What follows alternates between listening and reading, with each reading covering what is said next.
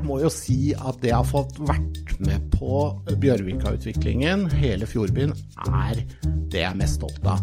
Hvor ble det av de 100 000 boligene som Raymond lovte i valgkampen i Oslo? Nei, det lurer jeg også på. Ja, det må jo først og fremst være at jeg faktisk har en frimerkesamling, ja. Eh, og så har jeg da sunget duett med henne. Bak fasaden med DJ og Rønne. En podkast fra Estate Media. Velkommen til eh, Bård Folke Fredriksen. Administrerende direktør i Norges eh, Boligbyggelagforening og tidligere byråd i Oslo kommune. Takk skal du ha. Du er jo Oslo-gutt. Eh, oppvokst i Nydalen. Hvordan var det? Ja, jeg er egentlig født og oppvokst på Tåsen, eh, men så har jeg jo bodd innenfor en trekant som er ganske liten. Tåsen, Torshov, Kjelsås. Ja, så Nydalen er midt imellom deg, det stemmer det. Nei, det var en uh, trygg og god oppvekst. Uh, fantastisk sted.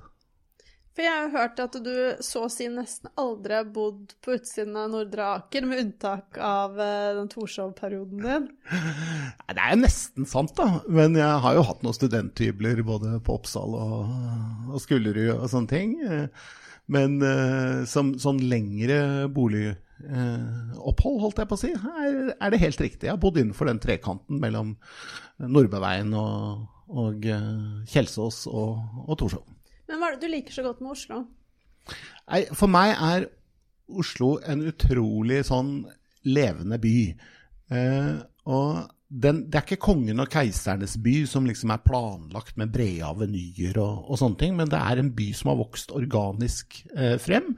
Og, og hvert enkelt strøk har sin herlige egenart. Og det er det jeg liker eh, ved, ved Oslo. Torshov er ikke det samme som uh, Grünerløkka, og Grünerløkka er ikke det samme som Tåsen eller Nordberg eller sånn. Det er liksom veldig forskjellige strøk, selv om vi er en, en veldig heldig by på mange måter. Men hva er favorittområdet ditt, hvis du skulle plukket ut dette område? Nei, jeg, jeg er faktisk veldig glad i Torshov. Jeg syns det er noe med strøket der og boligen der. Min beste venn bor der fortsatt, i et av Torshov-kvartalene. Og jeg har bodd der selv i mange år, som har en sånn veldig blanding av uh, butikker, kafeer, fine boliger, koselige bakgårder osv. Og så er det jo et sted hvor spesialforretningene har overlevd eh, i Oslo. Her er det jo Strøm Larsen, byens beste slakter. Her er Torshov Sport. Eh, jeg var innom sønnen min senest eh, på lørdag.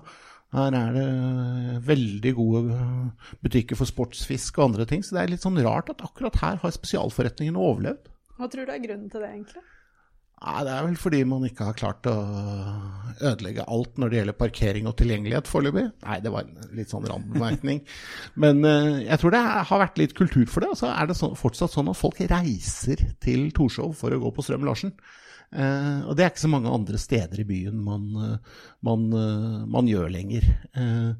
Så, så, det er et sånt strøk jeg trives veldig godt, godt i. Hvordan, hvordan syns du Nydalen er blitt?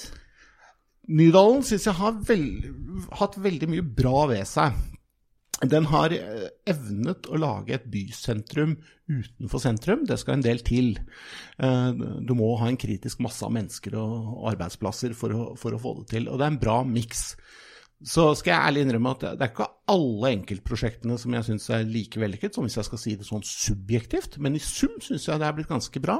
Men jeg syns fortsatt det har noe å gå på når det gjelder Menneskelig, menneskelig, liv, for å si det sånn. Så jeg tror det er flere attraksjoner som bruker området på kveldstid, tror jeg er viktig for den videre utviklingen av Nydalen. Er du medlem av Ja til park i Nydalen?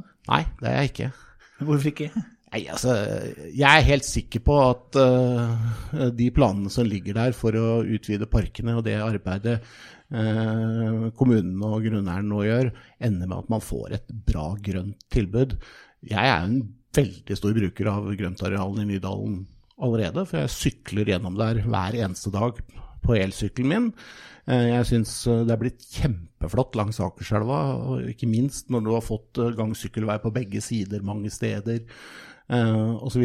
Badeplassene er blitt fine, og det er ganske kort etter min mening, til, eh, til Voldsløkka og andre grøntområder. Så her tror jeg nok eh, kommunen og grunneierne klarer å finne en eller annen løsning for, for å få inn også mer grønt der, slik det jo i og for seg ligger i, i planene fra før også. Men hvis du skulle bodd eh, utenfor Oslo, eh, la oss si tre år utenfor Oslo, hvor skulle du bodd da? London. I Norge? uh, nei, jeg kunne bodd eh, mange steder, jeg. Uh, men jeg er jo litt bygutt, da. Uh, og det er en sånn personlig side ved meg, så jeg ville nok bodd i, i, i Trondheim eller Bergen. eller Ja, jeg tror kanskje Trondheim eller Bergen, kanskje. Men hvordan er det du bruker byen? Nei, Det siste det halvannet året har det vært ganske lite, dessverre. Nei, altså jeg bruker egentlig byen akkurat sånn som folk også bruker marka. Eller, eh, eller parkene. Jeg, jeg kan like å gå tur, eller sykle tur, i byen. Og se på bygningene, øh, gatene, runde hjørnet og se om det skjer noe spennende på den andre siden av, av hjørnet. Og så er det selvfølgelig sånn som alle andre som går på kino og, og kafé og, og, og, og i butikker. Så for meg er byliv like høyverdig rekreasjon som eh, det å gå i marka eller, eh, eller en tur på fjorden, for å si det sånn. Du svarte London ganske raskt. Hvorfor kunne du tenkt deg å bo i London? Nei, jeg syns London er en ekstremt dynamisk by. Får, det er noe med at jeg får energi av å, å, å være der. Eh, eh, og så er det eh, selvfølgelig en Det er jo Europas største by, da, så det er jo eh, litt annerledes enn Oslo. Men det er, det er noe av det samme. London er heller ikke sånn gjennomplanlagt, sånn som Paris er.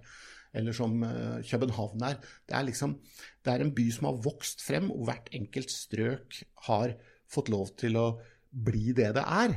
Eh, noen vil kalle det rotete. Jeg syns det er fryktelig dynamisk. Da tar vi en kort pause for å minne om at BN Bank er spesialisten på finansiering av næringseiendom i Oslo-regionen. BN Bank er en rendyrket eiendomsspesialist og kjennetegnes av hurtighet, fleksibilitet og forutsigbarhet. Gode løsninger sikres gjennom medarbeidere med høy kompetanse og sterke relasjoner til kundene. Kontakt BN Bank nå. Politikken har vært veldig viktig for deg. Hvorfor det? Nei, jeg er født og oppvokst i et eh, politisk hjem, da. Eh, og eh, jeg skjønte tidlig at jeg måtte lære meg argumenter hvis jeg skulle henge med i diskusjonene rundt middagsbordet om ettermiddagen. Nå lå vi jo litt fra hverandre politisk i min familie. Det var ikke liksom et typisk høyrehjem jeg, jeg vokste opp i. Men det var jo bare inspirerende i forhold til det å, å selv skjerpe egne argumenter og finne ut hva jeg selv sto for. Eh, og så har jeg alltid vært veldig interessert i historie. Så, og det har også vært eh, noe som kom fra, fra hjemmet mitt, at vi diskuterte po politikk, historie, andre verdenskrig, som jo man snakket mye om den gangen jeg var barn, eh, gjorde at jeg fikk en veldig interesse for dette. Og så begynte jeg på videregående skole.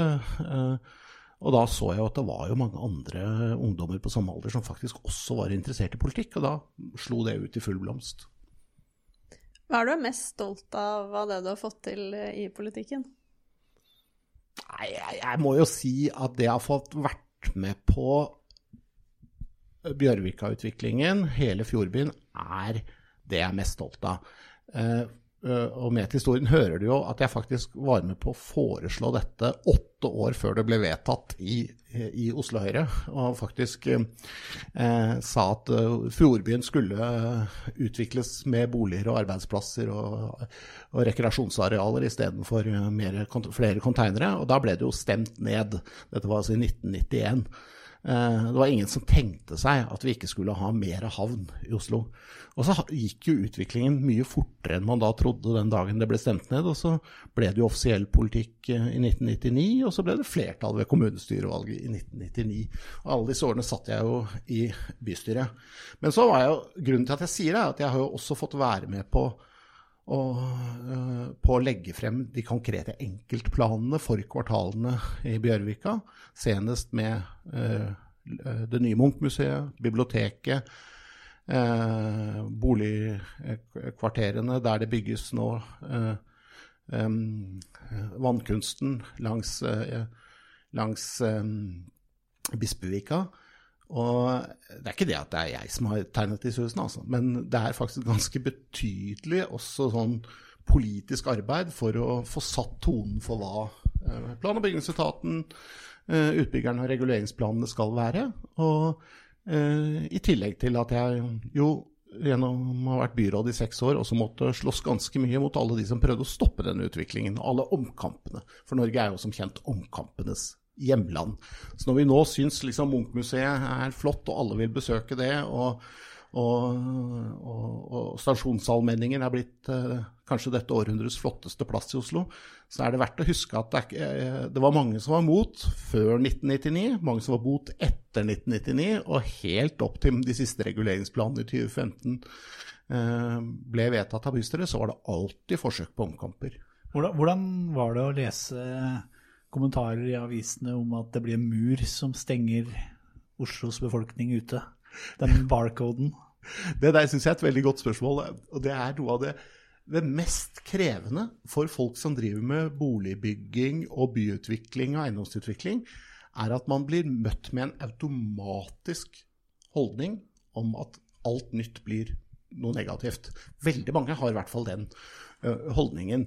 Eh, og så ser vi jo nå at når, øh, når øh, 60-70% av det som skal bygges er ferdig bygget, så er det jo ikke noen mur som stenger verken folk borte fra Bjørvika eller sjøkanten. Snarere tvert imot er det rause, store arealer langs sjøkanten som gjør at folk kan bade og svømme og stupe og ta badstue, og nye badestrender og, og parker har åpnet. Så, så for vi som satt med planene, så var det sånn at vi følte det var en fordreining av, vir av virkeligheten. At det skulle komme en mur som stengte folk borte. Snarere tvert imot var det jo broer over sporområdene og nye veier som inviterte folk inn. Eh, men eh, det var jo litt komisk da, og, også å oppleve all kritikken lenge før en kvadratmeter var eh, bebygget. Men var det, noen, var det noen tidspunkt hvor dette holdt på å gå helt galt? At det ikke ville bli noe? Altså, var det noen sånne nøkkelbeslutninger, eller eh, Ja, det er flere nøkkelbeslutninger. Ja, Oslo havn hadde vel eh, litt å si her? I begynnelsen, altså nå snakker vi om på, på rundt år 2000, så var jo øh, fortsatt øh, Oslo havn negative til å utvikle disse arealene, i hvert fall så store arealer. Men de skjønte jo ganske raskt etter kommunevalget i 1999 at de hadde fått flertallet mot seg. Og dermed så begynte de å lage andre planer for hvor mye de kunne frigjøre. Eh, men eh, i min tid, fra i to, jeg var byråd mellom 2009 og 2015, så var det kanskje det mest alvorlige øyeblikket da eh, det- kom en ny riksantikvar, Jørn Holme, som gjorde om på det standpunktet Riksantikvaren hadde hatt til utbygging i Bjørvika tidligere, ennå det var stadfestet av regjeringen, og sa at nei, den, eh, det som heter Kongsbakkallmenningen, den skulle være dobbelt så bred. Og da var jo, eh, i tillegg til å være et fryktelig dårlig by, byplangrep, så, så, så ville jo det eh, eh, ta bort mye av eh, økonomien i å skape en levende by eh, der nede. Så det var et alvorlig eh, punkt, eh, og heldigvis klarte vi å, å snu det og, og få til en OK og fin justering av det grøntarealet og parkarealet, som for øvrig ennå ikke er bygget, men eh, sørge for at det ikke ble en vesentlig reduksjon i utbyggingsarealet. Så det var en ganske alvorlig situasjon. Litt til eh, boligpolitikk. Eh, var det noe spesielt eh, Erna ikke leverte innenfor boligpolitikk? Nei, nå jobber jo jeg for MBBLs interesser, og, og vi er jo veldig opptatt av at det bygges uh, nok boliger, og at det er en jevn produksjon av uh, boliger. Uh, og, og jeg må nok si at jeg syns at norske regjeringer generelt har hatt en, en for eh, Hva skal jeg si? for lite offensiv holdning i forhold til det å ønske å få bygget nok boliger i forhold til det det er eh, behov for. Og når jeg bruker behov, så kan jo det defineres på mange måter. Men vi hadde aldri sett den boligprisveksten vi har sett de siste 15 årene hvis det ikke hadde vært at det sto flere klare med finansiering til å kjøpe bolig, enn det er boliger til salgs. Så det tar for lang tid i Norge å bygge boliger og gjøre de klare for salg i forhold til eh, eh, eh, når etterspørselen er der. Så her kunne nok både den forrige regjeringen levert mer, på et par punkter jeg kan nevne hvis du ønsker det, eh, og andre regjeringer gjort. Hvor ble det av de 100 000 boligene som Raimond lovte i valgkampen i Oslo? Nei, det lurer jeg også på. Og eh, det er jo selvfølgelig litt komisk i ettertid, for jeg var da byråden som de beskyldte for at eh, det gikk tregt. Og det var vel i et år jeg tror vi leverte eh, eh, reguleringsplaner for 6000 boliger på, eh, på, på ett år. Eller på ti måneder, til og med. Men eh, Eh, tempoet har vel i hvert fall ikke gått opp, for å si det sånn. Det var mange som syntes det gikk for tregt, selv i min tid, selvfølgelig. Men eh, nå går det jo enda tregere. Men jeg har lyst til å si at dette er ikke bare et Oslo-fenomen. Det er nok eh, både lovverket som staten har et ansvar for, og regjeringen har et ansvar for å, å forenkle. Og så er det, er det hele planprosessen i kommunene som må bli mye eh, raskere og mer smidig. Ja, For det går jo ikke fort i Bergen heller. Nei, det gjør ikke det. Nå går det jo ekstremt sakte i Oslo da, med et gjennomsnitt på fem år per reguleringsplan. Eh, Jeg får, jeg får trøste meg med at jeg gjorde det i hvert fall ikke eh, tidligere. Eh, Og det er et gjennomsnitt. da, å tenke på hvor kompliserte noen reguleringsplaner er, hvor lang tid det tar, og hvor enkle andre er. Så er et gjennomsnitt ofte et dårlig tall. Men, men jeg, jeg mener faktisk at vi trenger en holdningsendring blant norske kommuner. Det viktigste er at norske kommuner erkjenner at de faktisk er den viktigste myndighetsutøveren for økt boligbygging. Hvis en tomt ikke er gjort byggeklar gjennom planarbeid, reguleringsplan og byggesak, så er det jo ikke lov å bygge en, en bolig. Eh, Så man må faktisk erkjenne at det at det bygges nok boliger i forhold til etterspørselen, er et kommunalt ansvar. Eh, Og det andre er at det må skje på, på eh, raskere eh, og mer forutsigbart vis, sånn at boligbyggelag og andre boligbyggere eh, stoler på prosessen og tar sjansen på å investere mer når etterspørselen er der. Her hører du noen av de 3500 ansatte som jobber i For Service. Menneskene er vår viktigste ressurs og suksessfaktor. Så når For Service er opptatt av bærekraft, handler det også om den sosiale delen menneskene. Gjennom rekruttering, nye arbeidsplasser, kompetanseheving og riktige samarbeidspartnere jobber For Service for å gi muligheter til mennesker. Også de som i dag står utenfor. Alle må starte et sted. Les mer på forservice.no. 2015, eh, var det et litt vanskelig år for deg politisk? Ja, på den måten at eh, vi, vi tapte valget i Oslo, vi som satt i byråd. Det er helt eh, korrekt. Eh, eh, og så er det jo sånn i demokratiet at man skal tape og vinne med samme sinn, men jeg kan jo si det er morsommere å vinne fem valg på rad enn å tape ett. I forkant av den podden her så snakket jeg med Erling Fossen, som jeg har forstått eh, kjenner deg veldig godt, og da fortalte han om en episode på Vulkan før utbyggingen med over 200 husokkupanter. Uh, og da ble Erling såpass imponert over deg, for da hadde du vært eh, utrolig tydelig og bare sagt sånn Jeg syns ikke noe synd på dere. Stell dere i boligkø som absolutt alle andre. Og da mente han at det var liksom rett før du holdt på å få bank av disse husokkupantene. Ja, jeg fikk ikke bank. Nei. Jeg tror aldri jeg har fått bank eller blitt sånn truet i politisk arbeid heller, så jeg skal ikke er ikke, jeg, er ikke noe, jeg har ikke noe offerrolle her. Men jeg husker møtet veldig godt. Eh, Jeg tror det var et møte sammen med den gjengen til Erling Fossen og Oslo Arkitektforening. Og så tror jeg de hadde skrevet at det var, det var, det var gratis øl. Og dermed var det ganske mange som hadde kommet på dette møtet. Eh, eh, Og så var det da en debatt inni den svære, det som nå er mathallen, før den var ferdig bygget. Um, men um, det stemmer det. Jeg, uh, jeg har veldig lite sans for at man tar seg til rette på annenmanns eiendom, uh, selv om man kanskje har behov for bolig. Man, eh, og har man behov for bolig, så er det jo en kommunes ansvar å fremskaffe en bolig. Så jeg kan nok eh, veldig, veldig vel ha sagt at uh, still dere heller i, i, i, boligkø. Det kan jeg nok ha sagt.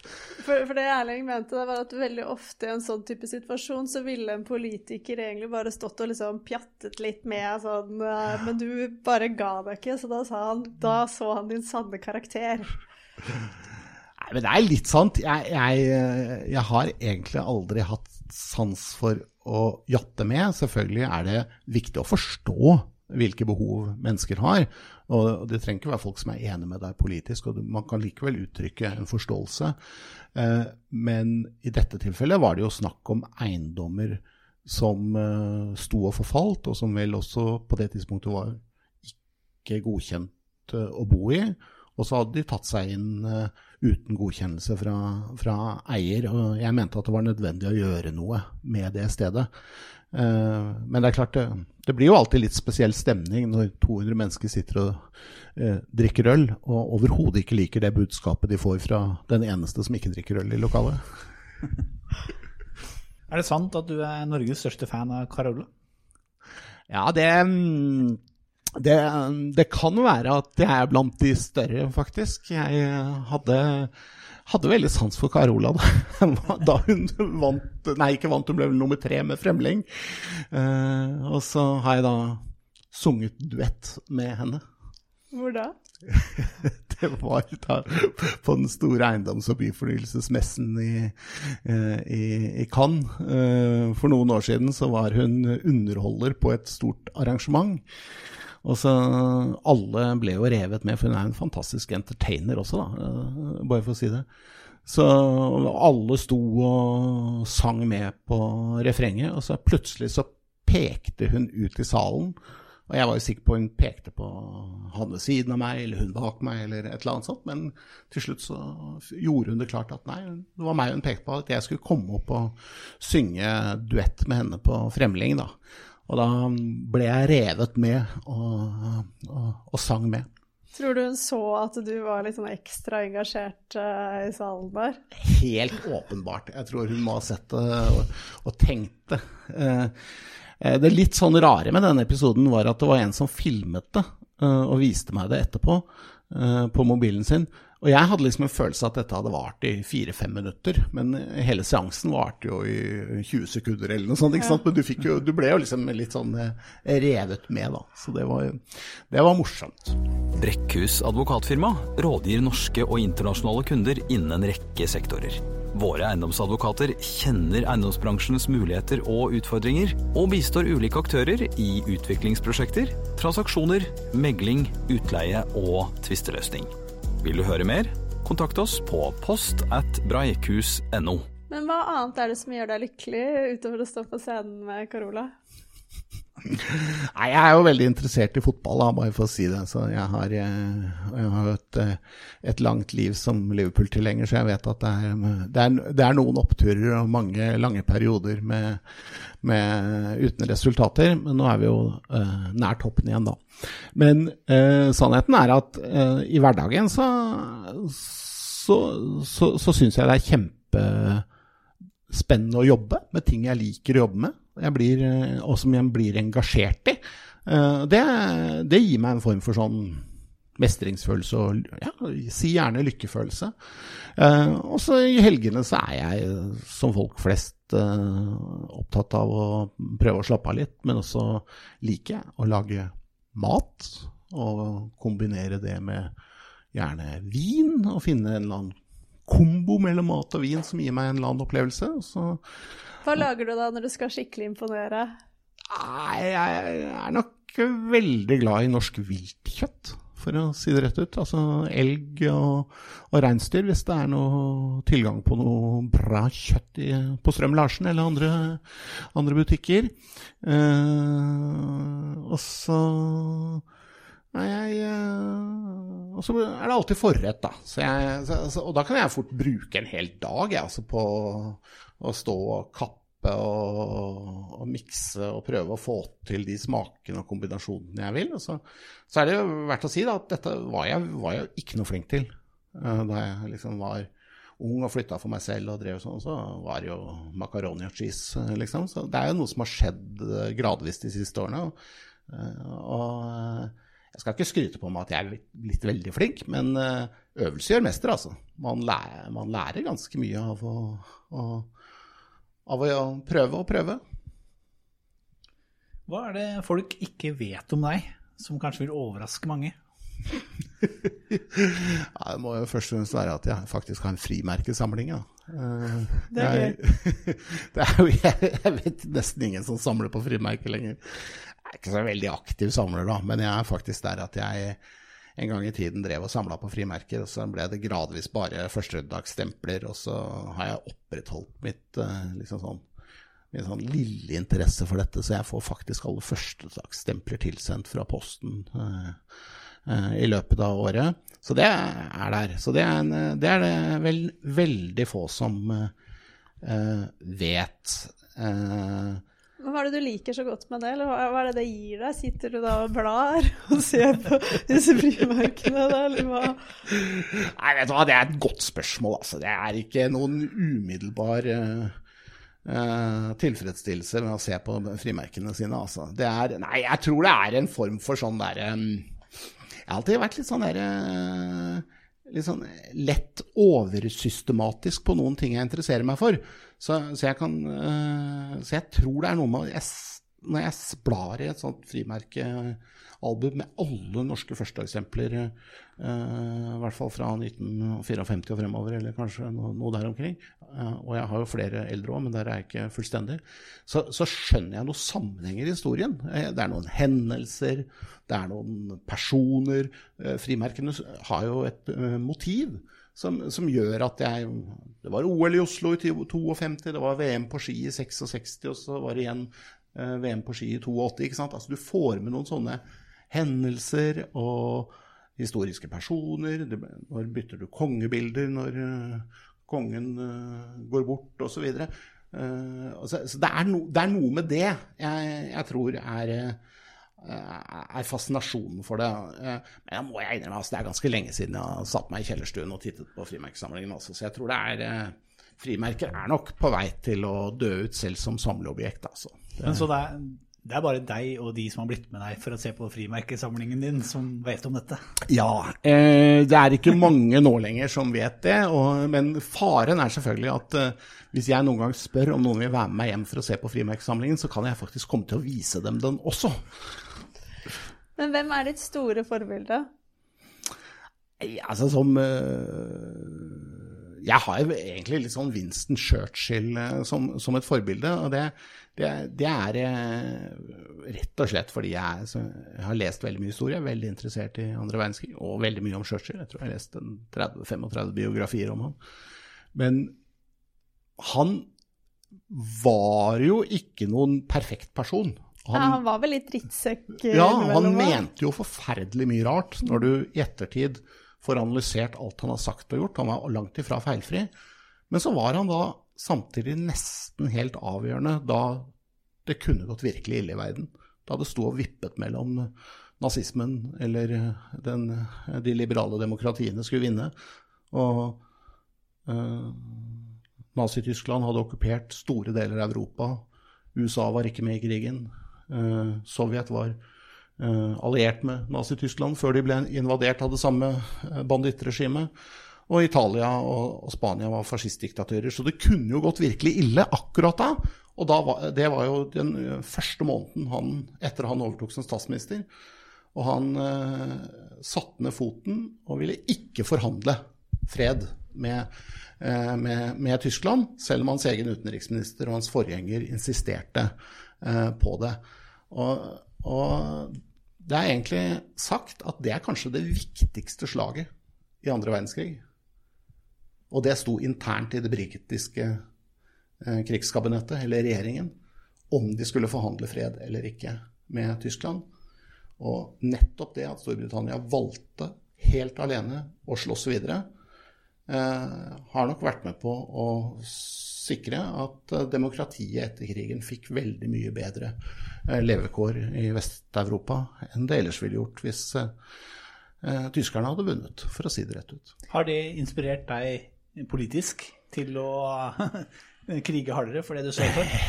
det, det, er klart det har inspirert meg. Og det, og, men, uh, men, jeg føler jo ikke at, uh, at, noe av det jeg har drevet med, har vært i de konfliktdimensjonene eller i de hatt de verdensavgjørende elementene i seg. Det er noe med at byggehøyder og, og byggevolumer er tross alt litt mer dagligdags ting enn krig og fred. Men jeg syns jo akkurat nå, slik vi nå ser i verden, at, uh, at uh, man skal passe på de liberale demokratiene og respektere spillereglene og, og sånn. For vi, det er så mange krefter nå, ikke bare det som skjer i Øst-Europa med Ukraina og Russland, men også tendenser uh, i Polen og Ungarn, og, og ikke minst det vi så under Trump-årene, som ikke er positive for demokratiets uh, fremtid. Bak fasaden med DJ og Rønne. En podkast fra Estate Media.